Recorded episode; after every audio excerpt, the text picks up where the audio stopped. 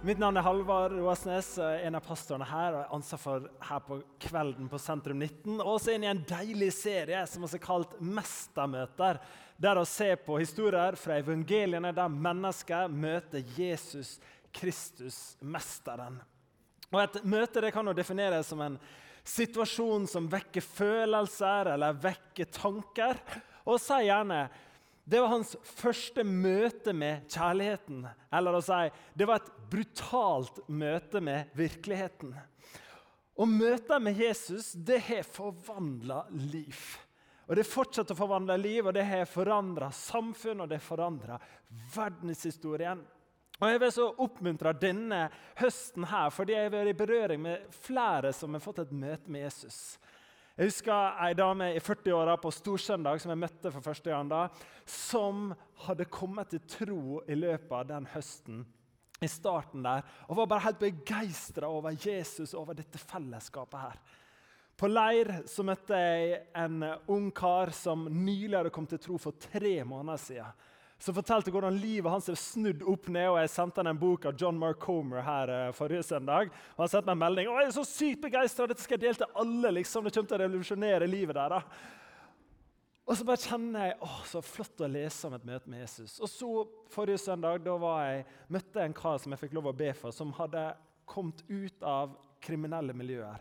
Så var spent på framtida, hvordan ville det løse seg. Jeg fikk lov å be for han, og han fikk et møte med Jesus. Det er inspirerende å lese og høre og bli kjent med Jesus og se hva han gjør med mennesker i livet vårt.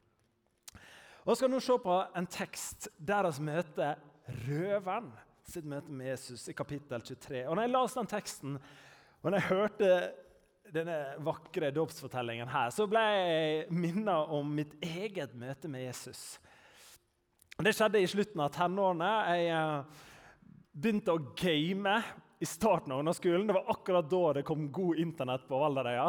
Og jeg brukte alle konfirmasjonspengene mine på å kjøpe meg den PC-en på komplett.no. Max gamingutstyr. Satte meg i, gutterommet, og så gama jeg seriøst i tre år. Det var det jeg gjorde. I tillegg til å være på skole av og til.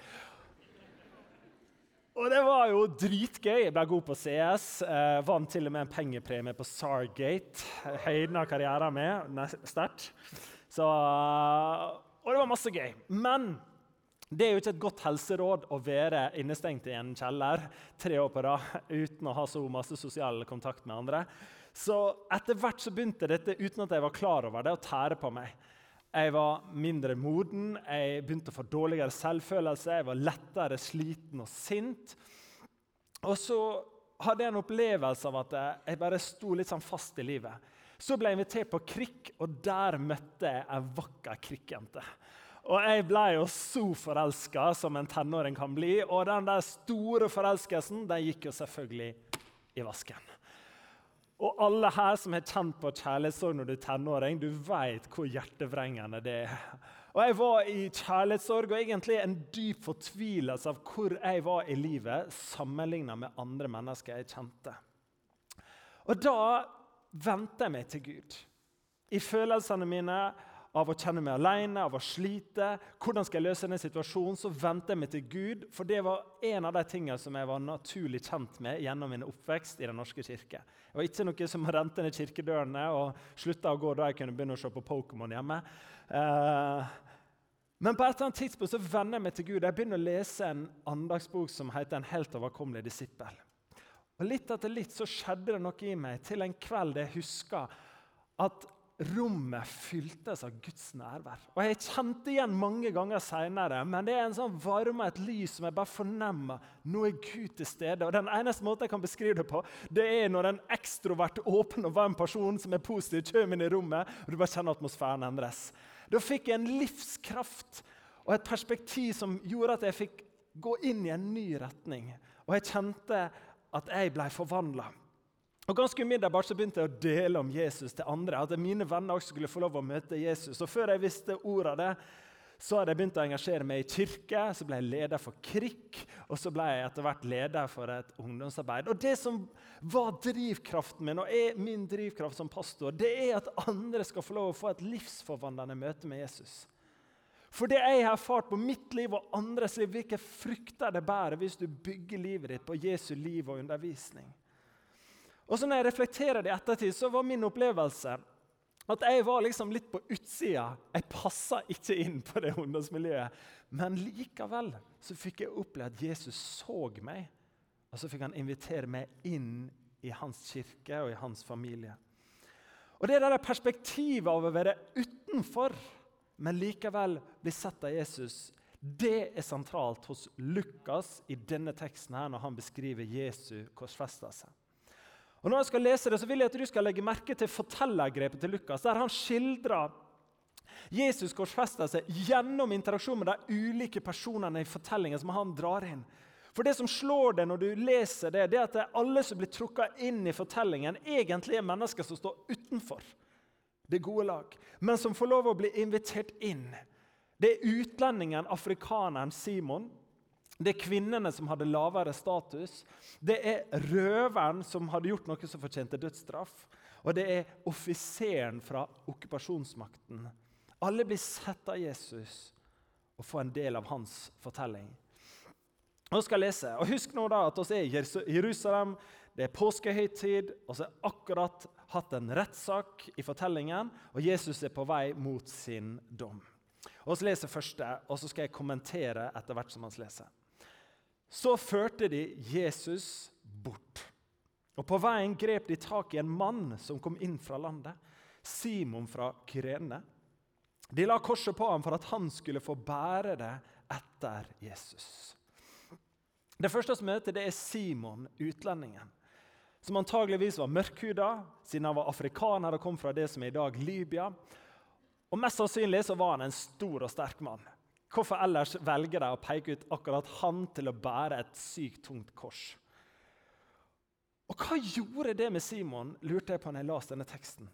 Hva følte han når han ble tvunget inn i en sånn ekkel jobb?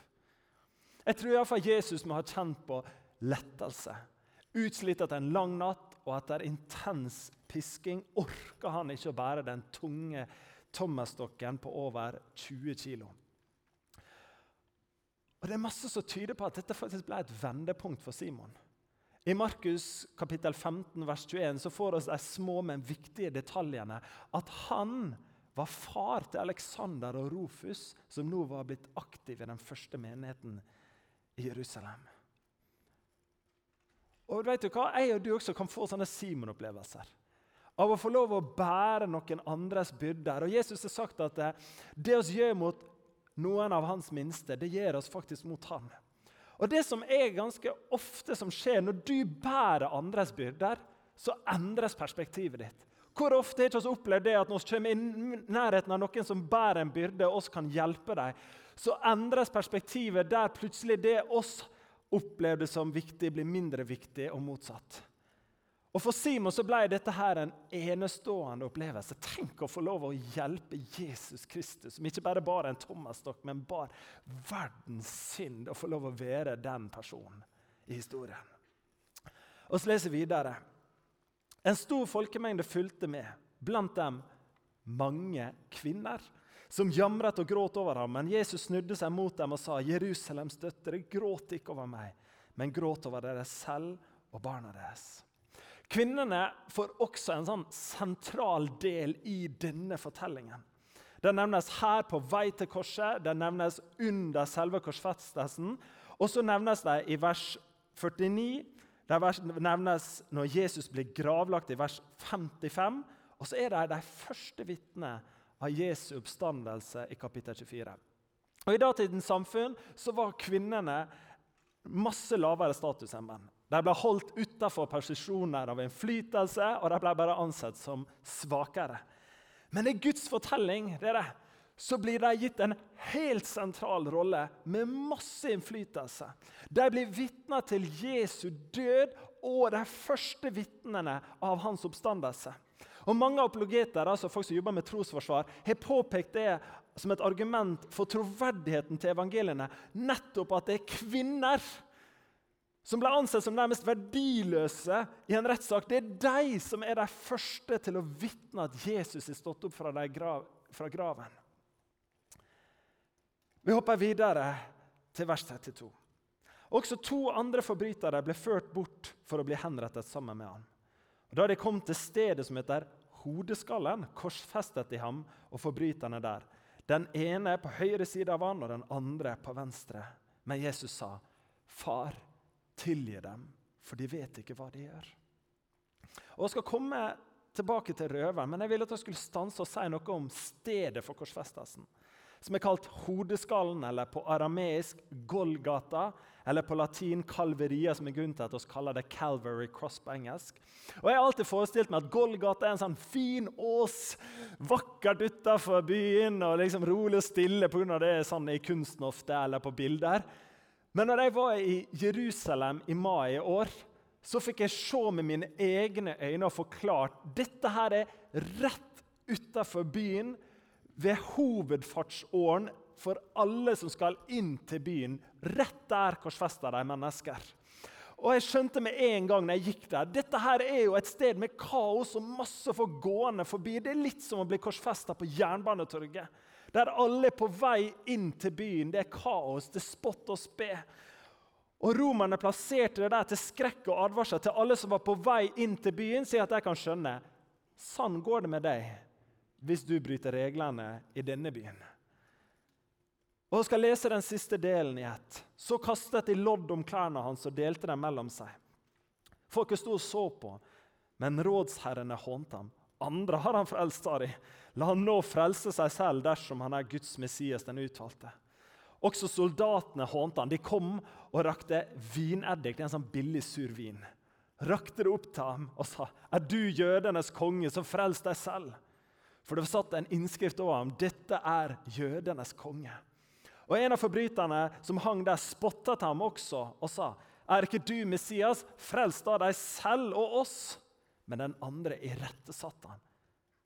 'Frykter du ikke Gud, enda du har samme dom over deg?'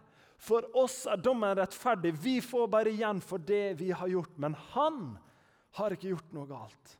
Så sa han, 'Jesus, husk på meg når du kommer inn i ditt rike. Og Jesus svarte, sannelig, jeg sier deg, i dag skal du være med meg i paradis. Og Det var allerede omkring den sjette time da falt et mørke over hele landet helt til den niende time, for solen ble formørket. Og forhenget revnet i midten, og Jesus ropte med høy røst, Far, i dine hender overgir jeg min ånd. Og da han hadde sagt det, uthåndet han og, og offiseren som så dette som hendte, priste han Gud og sa denne mannen var sannelig rettferdig. Den siste personen som ble trykket inn i fortellingen, det var, som, det var en mann som var en del av okkupasjonsmakten. Fienden av Israel, sannsynligvis gjort masse voldelig og forkastelig, men som enda opp med å prise Gud og bekjenne at Jesus var rettferdig. Matteus og Markus går lenger og sier at han bekjente at Jesus var sannelig Guds sønn. Når vi leser denne teksten, så vil jeg at vi skal stanse og reflektere over hvem er det som er innafor, og hvem er det som er utafor i det som Gud gjør her. Og et oppfølgingsspørsmål. Er jeg og du for raske til å dømme andre? For folkens, Hva er det som gjør en person til en etterfølger av Jesus? I teologien så er det gjerne to tenkemåter. En type innafor- og utenfor-tankegang og en mot- og fra sentrum-tankegang. Og I den ene innafor-tankegangen og utenfor så tenker vi slik at vi definerer mennesker som kristne hvis de følger alle reglene eller er innafor disse grensene. Men imot sentrum-tankegangen så definerer oss kristne ut ifra hva er retningen på livet ditt. Er det mot Jesus, eller er det fra Jesus? Og Jeg er veldig trua på en sånn mot Jesus mot sentrum-type tankegang. Fordi du kan gå i kirken her og være her på en søndag, men i ditt hjerte er du allerede begynt en prosess der du beveger deg vekk fra Jesus. Og så kan du også være i kirka her, og du har ikke livet ditt på stell, og du gjør mange ting en kristen ikke burde gjøre, men du er begynt på en reise mot Jesus. Du bestemte deg for å følge han, og du er kanskje ikke kommet like langt i prosessen, men du er på vei. Og Derfor skal vi ikke være raske med å bare si du eller du er innafor. Og dette her med å ikke dømme andre og være for rask til det, det får to streker under svaret når vi leser om Jesus sin korsfestelse. For det, Da ser vi de tolv apostlene godt innafor, kan dere tenke. De som er nærmest Jesus, som hittil hadde gjort alt rett. Men i det mest avgjørende øyeblikket svikter og stikker av fra Jesus. Peter han lyver for å unngå å havne i trøbbel. Judas forråder Jesus med et kyss, og de andre de stikker av eller holder seg på god avstand. Mens i det samme øyeblikket så får utlendingen, afrikaneren Simon, han bærer korset, han hjelper Jesus. Kvinnene de følger og blir det sentrale vitnet av Jesu døde oppstandelse. Røveren han står opp for Jesus og forsvarer han i sine verste timer. Og offiseren han bekjenner foran alle han var Guds sønn. De som var utafor, de beveger seg mot sentrum. De som var mot Jesus, de som var utafor, fikk lov å spille en sentral rolle i rett tid. De blir nøkkelpersoner i Guds drama. Og Derfor har jeg lyst til å si til deg, gjerne du som kanskje sitter bakerst, som kanskje føler at det, eh, jeg passer ikke helt inn her. Jeg er ikke alt på stell. Kanskje du føler at du tviler. Du kan godt hende du sitter foran også. Og Kanskje det er nettopp deg Gud ønsker å nå. For Jesus han er en mester på å ta mennesker som er diskvalifisert seg sjøl, eller mennesker som føler at de sjøl har blitt avvist, og så får lov å bruke dem til noe meningsfullt. Fordi Jesus han har en sånn frelsende kjærlighet. Som jeg sa, Sentralt i Lukas er fokuset på de som er utafor, de bortkomne. Og Når du leser Lukasevangeliet, oppdager du etter hvert hvis du leser det et par ganger, at Jesus er hele tida på enten vei til et måltid eller så er på vei fra et måltid. Og Det er ikke hvilket som helst måltid han er på. Han er på måltider der han spiser med tollere og syndere, prostituerte og urene. Han spiser med syke og de som ikke passer inn. Jesus er hele tida med andre ord i randsonen for å inkludere de som er kommet utenfor, inn i fellesskapet. Og Det er i forbindelse med et slikt måltid at vi får nesten det som er avisoverskriften over Lukas evangeliet. Menneskesønnen er kommet for å oppsøke det som var fortapt, og frelse det. Jesus sier, han sier det er en situasjon der han er på besøk med en som absolutt ikke passer inn. Tolleren Sukkeus, som er en forræder som har samarbeida med okkupasjonsmakten for å gjøre seg rik på bekostning av andre. Men Jesus sier til og med du skal få lov å være en del av Guds store familie. Og Denne frelsende kjærligheten kommer igjen og igjen til uttrykk i Lukas evangeliet, men kanskje aller tydeligst i det som er i sentrum, i midten av Lukas. Der får vi i kapittel 15 tre historier. Den første er om mannen som forlater sine 99 sauer for å lete etter den ene som er kommet bort. Så får oss damen som leter etter en sølvmynt og vender huset opp ned for å finne den ene mynten, og med glede og begeistring omfavner den når hun finner den. Eller den bortkomne sønnen som drar hjem og møter sin far. Ikke stående med dørstokken og er skuffa, men som kommer løpende imot ham for å ta han imot. Gud han er sendt Jesus for å oppsøke og frelse det som var fortapt. Og Dette perspektivet det kommer så tydelig fram i Lukas' sin fortelling om korsfestelsen. Det er de som er utafor, de bortkomne, som får lov å ta del i det som Gud gjør på korset. Og Det bringer oss til selve korset. Og Hva er det Lukas vil at vi skal forstå om korsets mysterium? Jeg tror at Han vil vise oss tre ting. Det første er at det er på korset at Jesus seirer over døden. Så at han døde en stedfortredende død ved å ta på seg vår skyld og straff. Og på den måten vise oss sin kjærlighet. Og starter med det å seire over døden. Hva er det som skjer etter oss dør? Det er et spørsmål som alle på en eller annen måte stiller seg. Og I fjor på denne tiden så hadde Vårt Land et oppslag der de hadde følgende overskrift. Sykehushumanist søker sekulære ritualer. De hadde hatt en fagdag der de spurte hva sier han ved livets slutt til mennesker som ikke tror på et liv etter døden. Det er et godt spørsmål. Det lurer jeg også på. Og Nylig så møtte jeg en nabo som hadde vært på en sekulær begravelse. Jeg spurte nysgjerrig om dette. Hva sier de? Og Naboen den satte ord på spenningen der han på ene sida snakker om at han vil ta vare på de gode minnene, men samtidig sorgen over at han ikke kan ses igjen. Samtidig på den andre siden så forsøkte da liturgen å prøve å gjøre dette litt mildere ved å snakke om døden i lys av Astrid Lindgrens historie om brødrene Løvehjerte, der brødrene kommer til Kirsebærdalen, som på alle måter er et paradis. Og kanskje er det sånn hvis vi en gang dør. Men uansett hvordan han pakker det inn, så er døden for den som ikke tror på noe mer, en ganske hard realitet. Men det kristne håpet det er helt annerledes. For hva sier Jesus til røveren og til alle som en gang skal dø? Lukas han er faktisk den eneste som inkluderer samtalen mellom den troende røveren og Jesus. Og bak meg på skjermen her så ser du det eldste bevarte maleriet av røveren på korset. 586 år etter Kristus i en sånn syrisk evangeliebok. Og så vet vi ikke så masse om den troende røveren, men tradisjonen sier at han heter Dismas, at han sannsynligvis var ung, og at han har måttet ha gjort en ugjerning som var alvorlig nok til å bli dømt for døden. Og Matteus og Markus nøyer seg med å beskrive at Jesus ble korsfestet mellom to forbrytere. Men hos Lukas så får røveren sentrum i fortellingen. Røveren som var dømt til døden for sine ugjerninger, og som nå står i sine verste timer i sitt liv. Uten håp og kun frykt og smerte. Han kommer med et siste ønske. Husk på meg, Jesus, når du kommer inn i ditt rike. Så snur Jesus seg med sin tornekrone og så sa han, sannelig, jeg sier deg, i dag skal du få være med til paradis. Hva skjer med en sann mann som på korset, henger på korset? Hva skaper dette hos han? Hvordan endrer det hele hans perspektiv, hans framtid?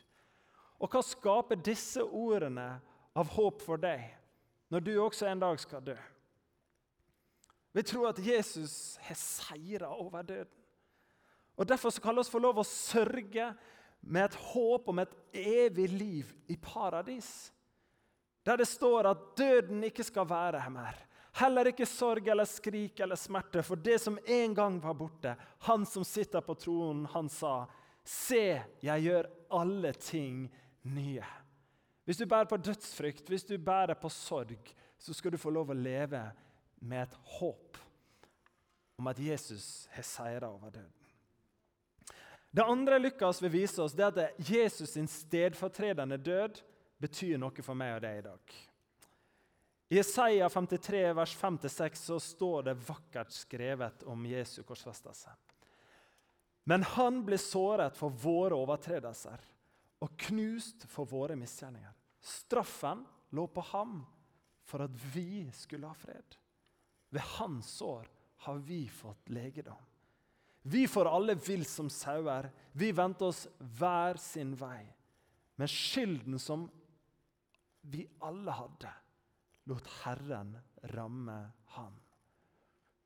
Det var en amerikaner som skrev ut dette utdraget fra Jesaja 53 uten å ta med bibelreferansen.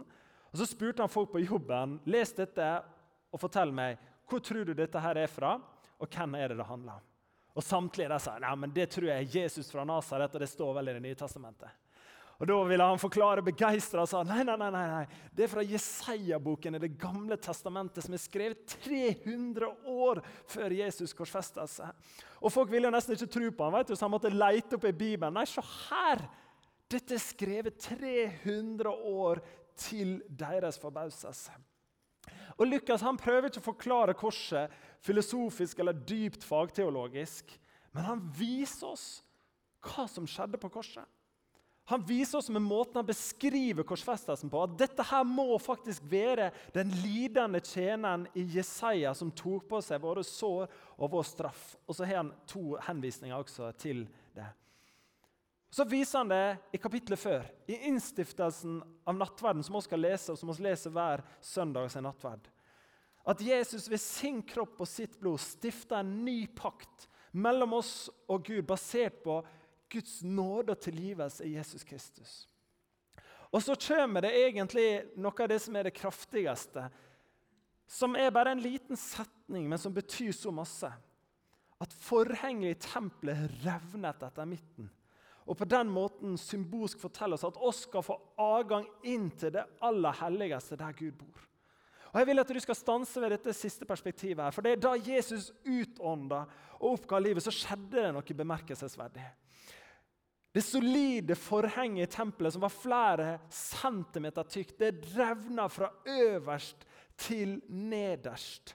Og Forhenget det dekka inngangen til det aller helligste stedet i tempelet. Dit var det bare øverste presten som kunne komme inn én gang i året. Og det er aldri uten et soningsoffer som han ba for seg sjøl og sine synder til folket. Men gjennom Jesus sin død på korset så åpner det en vei like inn til det aller helligste. Inn til Gud. Altså Jesus sin død var grensesprengende og åpna veien like fram opp til Guds trone. At oss alle i kraft av Jesu blod kan ha fri adgang til himmelens og jordens skaper. Og dette folkens, det prøver å minne meg om hvor stort det er. At Noe av det som faktisk gir meg dypest glede og ro i livet, det er å få lov å bare krype opp til pappas fang. Hans trone. Det er helt crazy. egentlig. Få lov å hvile i hans nærvær og få lov å ta imot hans kjærlighet. At jeg kan få lov å åpne et rom inn i mitt indre der jeg kan få lov å dele fellesskap med Gud. Og dele mine innerste tanker, mine skjulte rop om alle mine følelser. Og Det er egentlig helt amazing, fordi i alle religioner unntatt kristendommen, så er det ofte at du må oppsøke et hellig sted. Gud han er fremmed litt lenger borte, han er utilgjengelig. Og Sånn var det også i tempelet, men forhenget revna.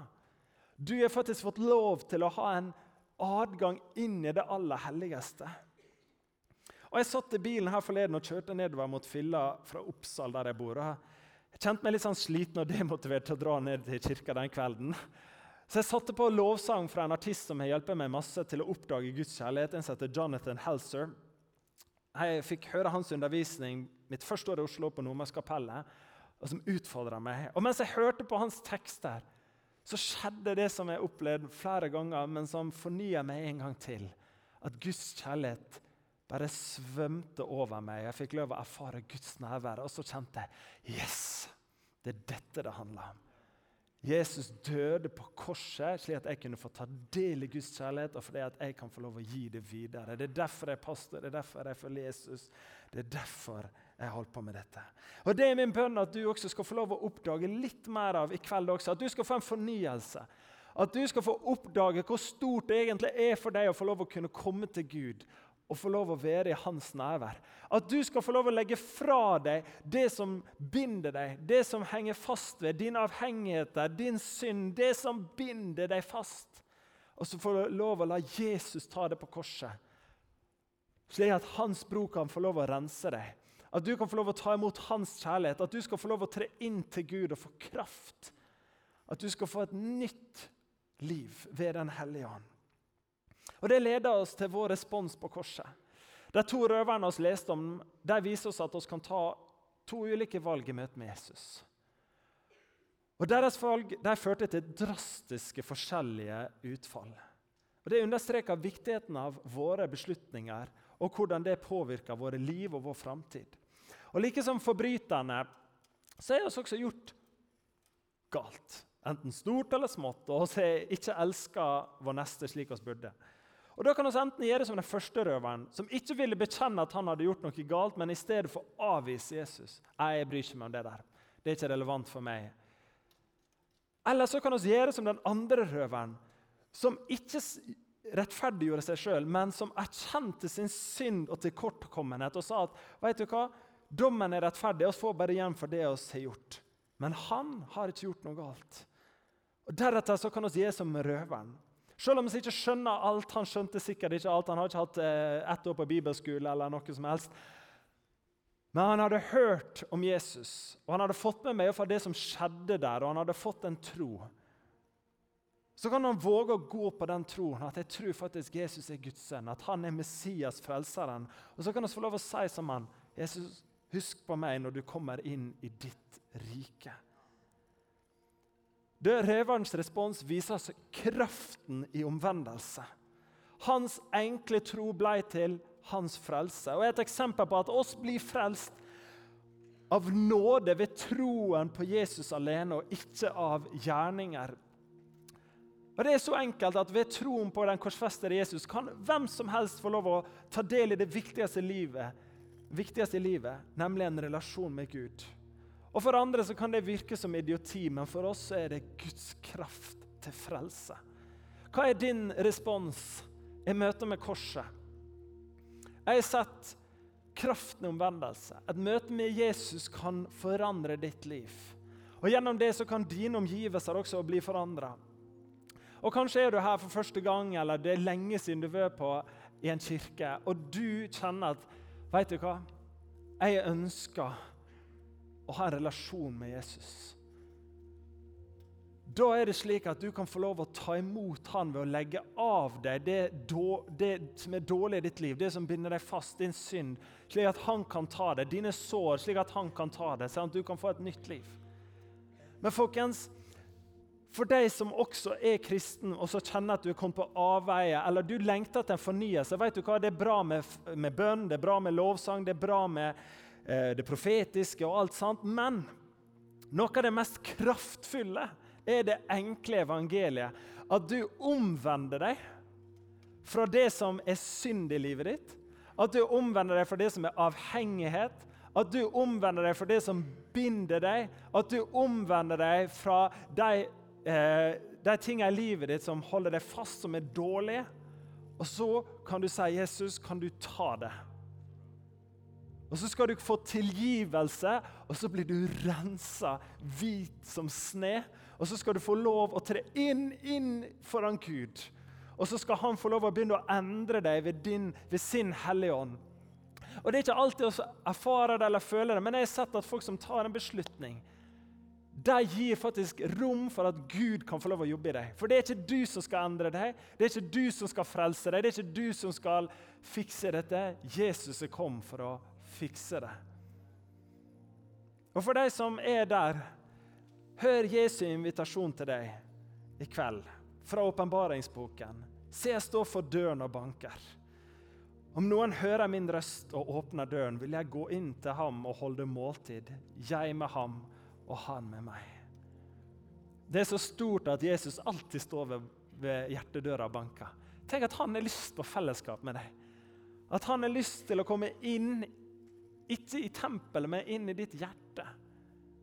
Og ha fellesskap med deg, spise kveldsmat med deg. Få lov å delta i en relasjon med deg. Han står foran døren og banker fordi han har lyst til å ha deg i livet sitt.